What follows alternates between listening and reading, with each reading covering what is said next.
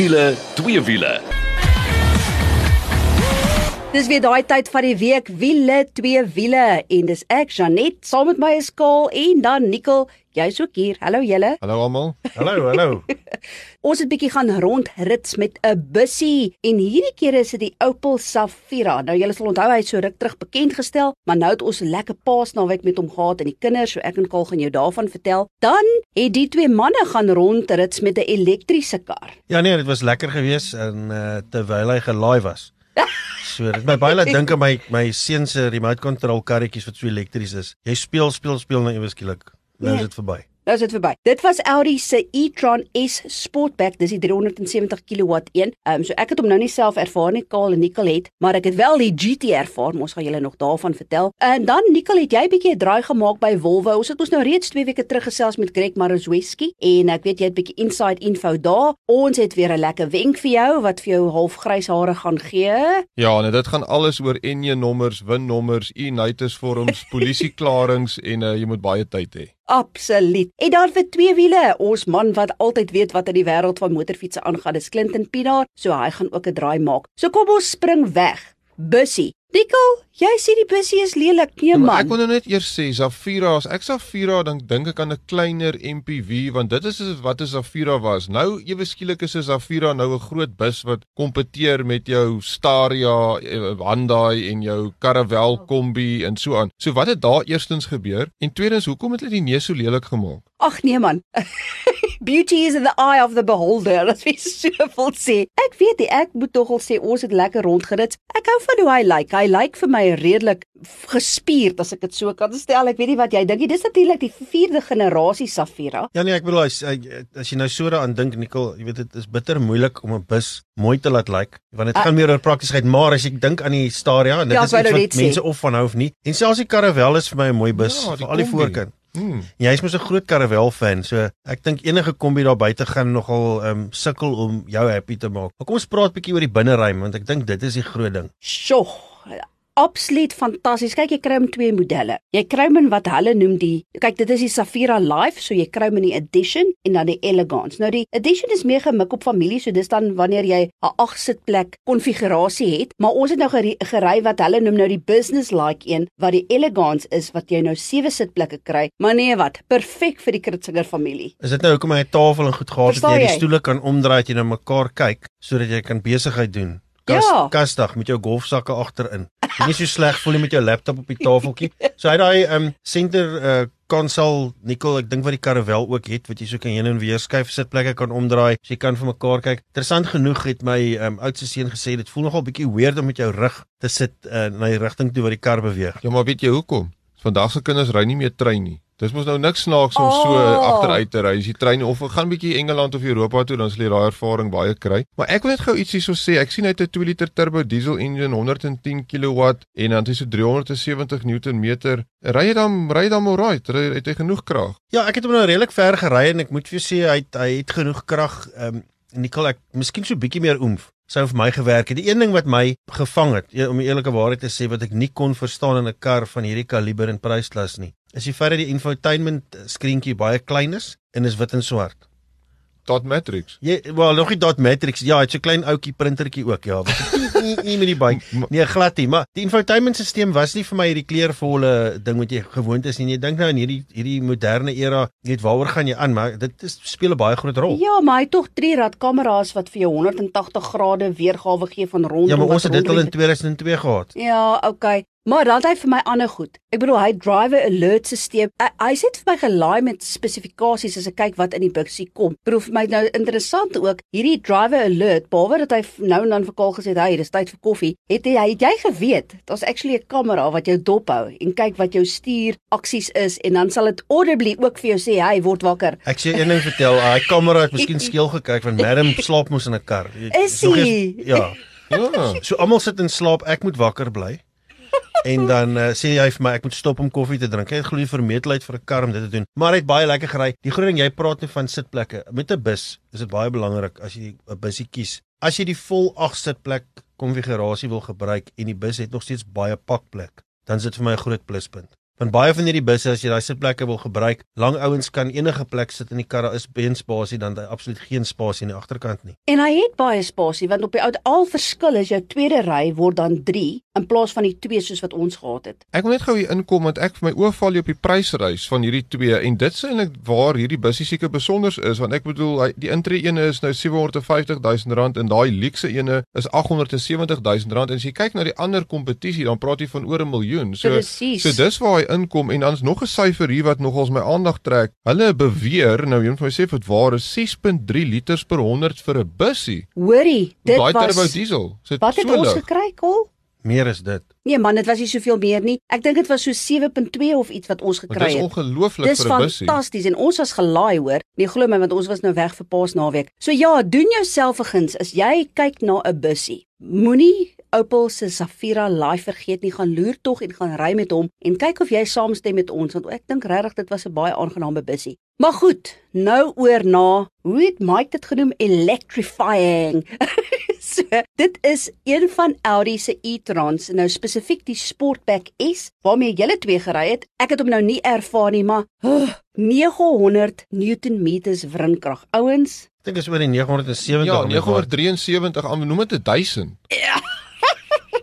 Okay, maar die kar weeg ook nie niks nie, maar hy het ook so 370 kW en hulle sê 0 tot 100 in 4.5 sekondes. En ek moet vir jou sê dat ek sommer net begin met die stilering, nê? Ek dink Audi het hier reg gekry om iets te stileer. Ek dink as nou elektries is nou is nou wonderlik en als hy kan enige engine ingehaal het. Hy het daardie so aandag getrek het. Ek dink mense is van dit gehou. Dis so half tussen 'n coupe en 'n SUV, maar dis goed gedoen en daai 22 duim wiele. Jy moet sien hoe lyk daai ding in, in die oranje wat ons gehad het, het so uitgestaan soos 'n highlighter. Kaal, ek weet nie of jy saamstem nie, maar Audi se binnekant se ontwerp is definitief van die voorpunt daar buitekant en in hierdie elektriese voertuig is dit net weer eens ongelooflik met daai raakskerms. Hulle het hier en daar 'n knoppie wat dit maklik maak. Daai beligting in die binnekant, dit regtig voel of jy 'n spesiale kar is, maar dit moet so voel want hierdie kar se lysprys is 2.4 miljoen en met hierdie opsies 2.7 miljoen rand. dit is rof, hè? Maar hoorie, ehm um, Kol, jy kan nou sien wat jy sê, maar hoor, kom ons gaan loer gou by Mike in en hoor wat sê hy want hy het nogal tyd ook met die kar spandeer, maar uh,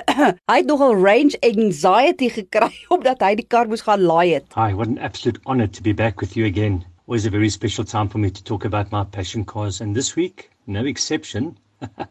this has been such a beautiful week for me. Audi's Sportback S e-tron. So this is a fully electric car. Has this 370 kilowatts Jeanette, 968 newton meters of torque. That is wrenching. It reminds me of a song from Greece. It's electrifying. My wife always says I must whistle because I can't sing, but what an incredible weapon. Uh, the car that we drove in this guise with all the trim, 2.786 million. So not too shabby, 0 to 100, four and a half seconds. I've never been catapulted like that before in a very long time. It's going to take a very special sports car to top this exhilarating, electrifying drive. I did have a little bit of an issue. I did. I found myself to have range anxiety the one day driving through to a shopping center to charge the car up. It had 50 kilos on the range and I was stuck in traffic and I'm thinking, oh my word, what's going to happen if I just get stuck? So range anxiety was a real thing for me. Then got to the shopping center, plugged in on, on one of the chargers, absolutely no problem. Went and did my shopping, came back half an hour later.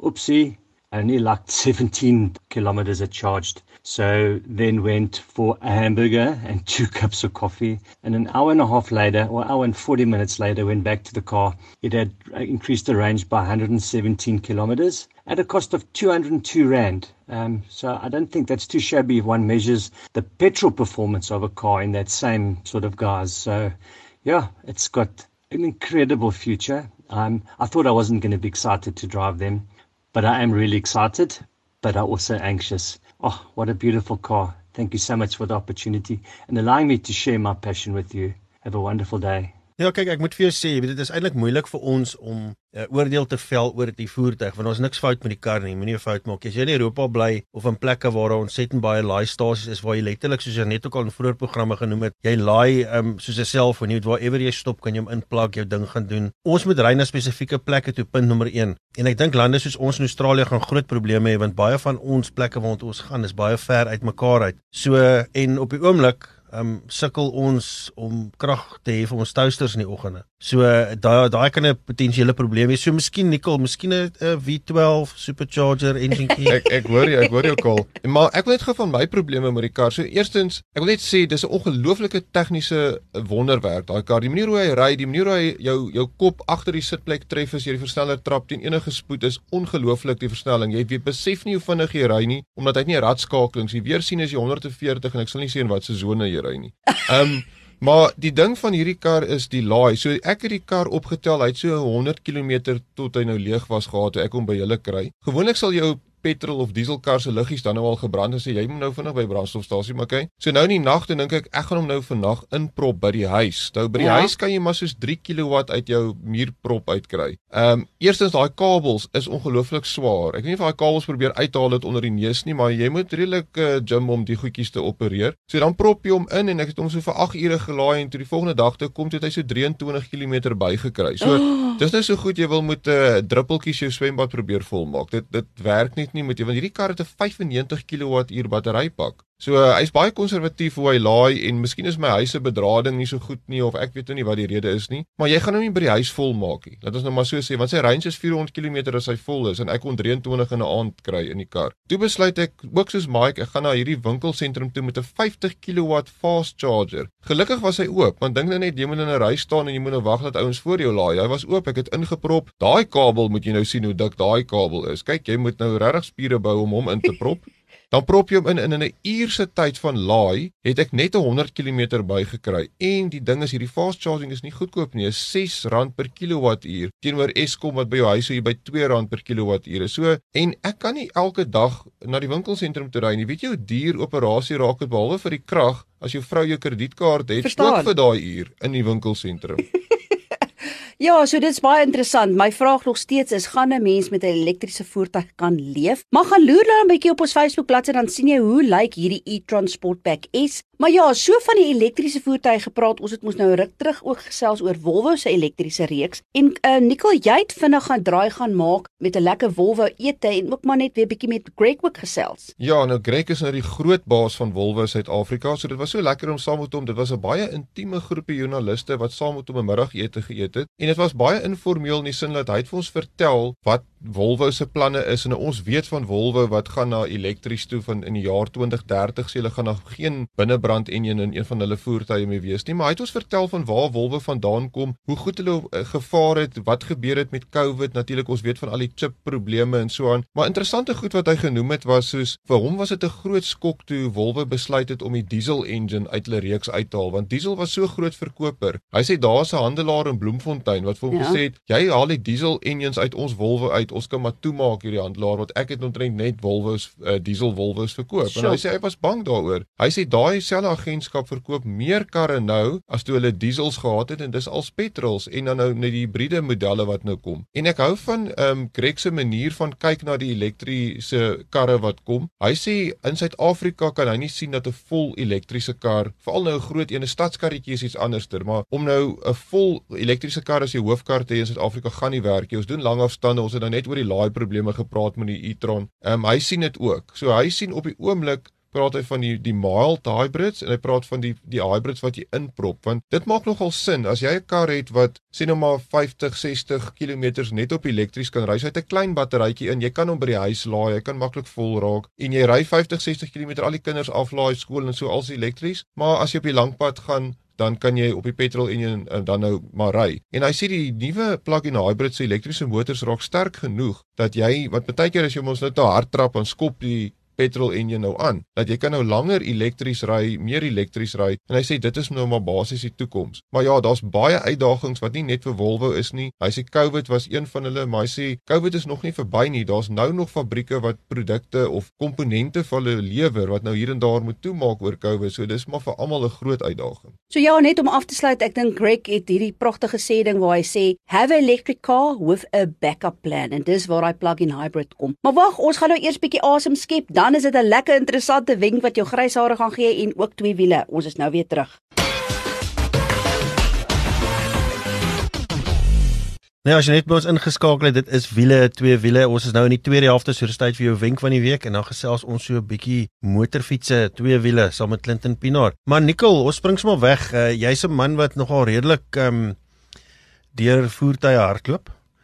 en uh, jy's 'n ou wat lief is vir daai goed wat ek niks van hou nie en dit is vir registrasie en padwaardigheid. Te vertel ons so 'n bietjie meer van die fees en die lekkerte daarvan en daai warm gevoel wat dit jou in jou maag gee. Ek is sommer nou weer 'n sweet hier uitgeslaan en ek wil eintlik 'n groot sug gee, maar kom ek begin met 'n tip van die week. Wanneer jy 'n tweedehandse voertuig of dit 'n motorfiets of 'n kar is koop, maak seker dat daai e-notas vorm wat saam met die kar kom se registrasiedokument in die eienaar se naam is nommer 1 en dan kyk jy sommer gou of die NJ nommer en die VIN nommer ooreenstem op die papiere teenoor die voertuig. Want dis die eerste ding wat gaan gebeur. So ek het nou 'n lekker soos hulle sê Engels 'n surprise gekry. Toe ek my motorfiets vat vir padwaardigheid en die ou kyk na die NJ nommer sê vir my nee meneer, maar hierdie NJ nommer is mos nou nie dieselfde as op die e-notas nie. Toe sê ek vir hom, maar ek weet nou nie wat hier gebeur het nie. Toe sê hy vir my ja, maar jy moet net gou polisieklaring gaan kry, dan kan ons die padwaardigheid. Nou om te sê net vinnig 'n polisieklaring kry. Kyk, daai is nou moet jy nou nie glo nie. So kom ek vertel net gou julle daar buite. Indien jy 'n voertuig het wat 'n enjin vervanging ondergaan het of jy dit nou self gedoen het en of jy nou dit nie geweet het nie en dit nou na die tyd uitvind, wat moet jy nou doen? So eerstens wat jy moet doen is hulle praat van data dotting. Nou data dotting is daai mikro skyfie goedjies wat hulle so opverf op elke paneel wat nou sê wat is die winnommer. Dit wil eintlik keer dat mense skelmparte kan verkoop vir goed wat gesteel is. Dis eintlik die doel. So eerstens jou jou voertuig moet gedata dot raak. Dit is so R500 ongeveer uh, vir 'n motorfiets, R800 vir 'n kar. Dis nie 'n goedkoop storie nie. Dit gelukkig vat nie baie lank nie, dan kry jy 'n sertifikaat. Nou, met daai sertifikaat moet jy saamvat vir polisieklaring. Voor jy na polisieklaring toe kan gaan en daar's net 'n paar plekke waar jy polisieklaring in die Kaap of Stikland is die groot ene. Voor jy kan gaan, moet jy eers verkeersdepartement toe gaan en jy moet eers aansoek doen vir ek dink is 'n RC51, ek kan nie presies die nommer mee onthou nie, om te mag gaan vir polisieklaring. En hulle sê, "Skus man, die enjie nommer is nie reg nie." Dan gee hulle vir jou 'n dokument, jy moet jou ID saamvat, jy moet bewys van adres saamvat, die verkoopsdokument van die voertuig moet jy saamvat, die e-notas vorm van die voertuig, dan mag jy eers polisieklaring toe gaan. So nou kom jy by polisieklaring aan en kyk, daar moet jy bereid wees om te wag. Daar's gewoonlik 'n lyn, ehm um, dan is die stelsels aan, dan die stelsels af. Dis maar een van daai tipe dinge. Maar as jy nou ingaan, dan kyk hulle na jou dokumente. Nou Indien jy die engine self vervang het in daai voertuig, dan moet jy 'n bewys hê van waar jy hierdie engine gekoop. In my geval het ek nie geweet die engine is verander nie. So toe sê hulle vir my: "Nee meneer, Jy moet nou eers polisiekantoor toe gaan vir affidavit om te sê jy het nie geweet hierdie enjin is vervang nie. So nou gaan jy maar weer uit, jy gaan polisiekantoor toe. Um, ek moet die verkoopskontrak gehad het. Ek moet selfs die ID van die persoon wat ek die motorfiets by gekoop het gesertifiseer gekry het, 'n kopie en weer teruggevat het en dan val jy natuurlik weer agter in die ry in. So hierdie hele operasie het my so 4 en 'n half ure gevat. Ehm um, en die ouens sê vir my dis nog dit was nog vinnig geweest. Ehm um, so weer eens daar buite maak seker as jy voertuig koop dat die papierwerk in orde is want dit gaan vir jou baie trane en baie verdriet spaar wanneer jy probeer om die voertuig op jou naam te kry. Ja, so luister maar vir meneer Nicolou, hoor.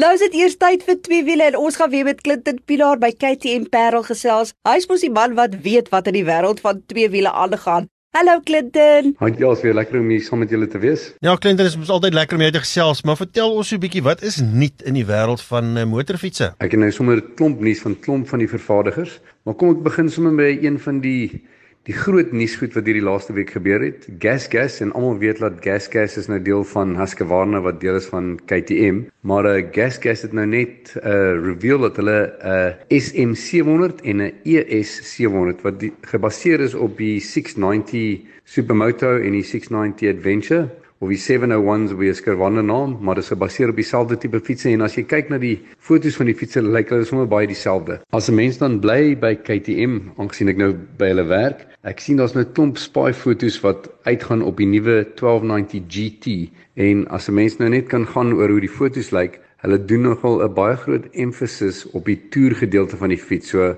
hulle het nou die Super Duke fiets en uh, ek dink hulle beweeg nou meer aan 'n toerfiets. So dit is die nuus van KTM of KTM het ook op hulle offisiële webwerf hierdie week al hulle nuwe MX fietsse en enduro fietsse gelons. So daar's min in tegniese waarde wat opgegaan het, maar die nuwe kleure is nou release. En dan Harley Davidson, hulle is nou besig om hierdie nuwe engines van hulle aan uh, waterverkoelde engines te doen. So in 65 jaar het hulle die eerste Sportster uitgebring. Dis gebaseer op die 883 engine en hierdie keer bring hulle nou een uit met waterverkoelde engine. Clinton en wat hoor ek van Yamaha wat nou 'n middelgewig avontuur motorfiets uitbring? Ja, jy is reg. Yamaha se hulle noem dit 'n MT7 en dan MT09.